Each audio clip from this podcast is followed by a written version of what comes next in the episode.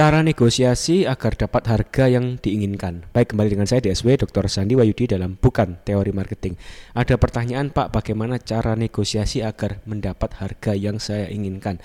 Oke, saya akan pecah menjadi dua part karena cukup panjang ya penjelasannya.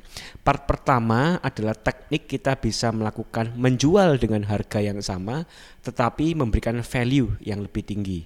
Nanti di part 2 sebaliknya kita memberikan value yang sama tapi harga kita kasih lebih murah. Nah, part 1 ini adalah teknik di mana kita memberikan edukasi buat pelanggan kita bahwa nilai jual yang kita punya, diferensiasi, benefit, value yang kita punya jauh lebih tinggi dan kita harus mampu melakukan komparasi, compare dengan produk kompetitor kita yang head to head ya.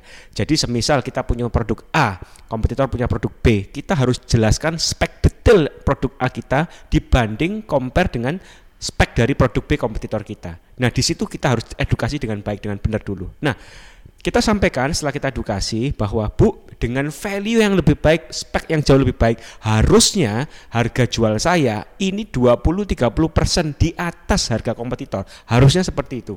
Tetapi karena saya tahu ibu bapak pelanggan baru kami, maka saya bisa berikan support dengan ibu cukup bayar harga yang sama dengan kompetitor saya. Saya berikan support seperti itu. Nah, kita perlu tunggu respon daripada si customer tersebut. Kalau mereka wah sama aja speknya, nggak bisa hargamu tetap lebih mahal. Ya sudah itu bukan target segmen kita. Karena sudah diedukasi tetap dia nggak paham-paham juga. Nah kita harus move on cari customer yang baru.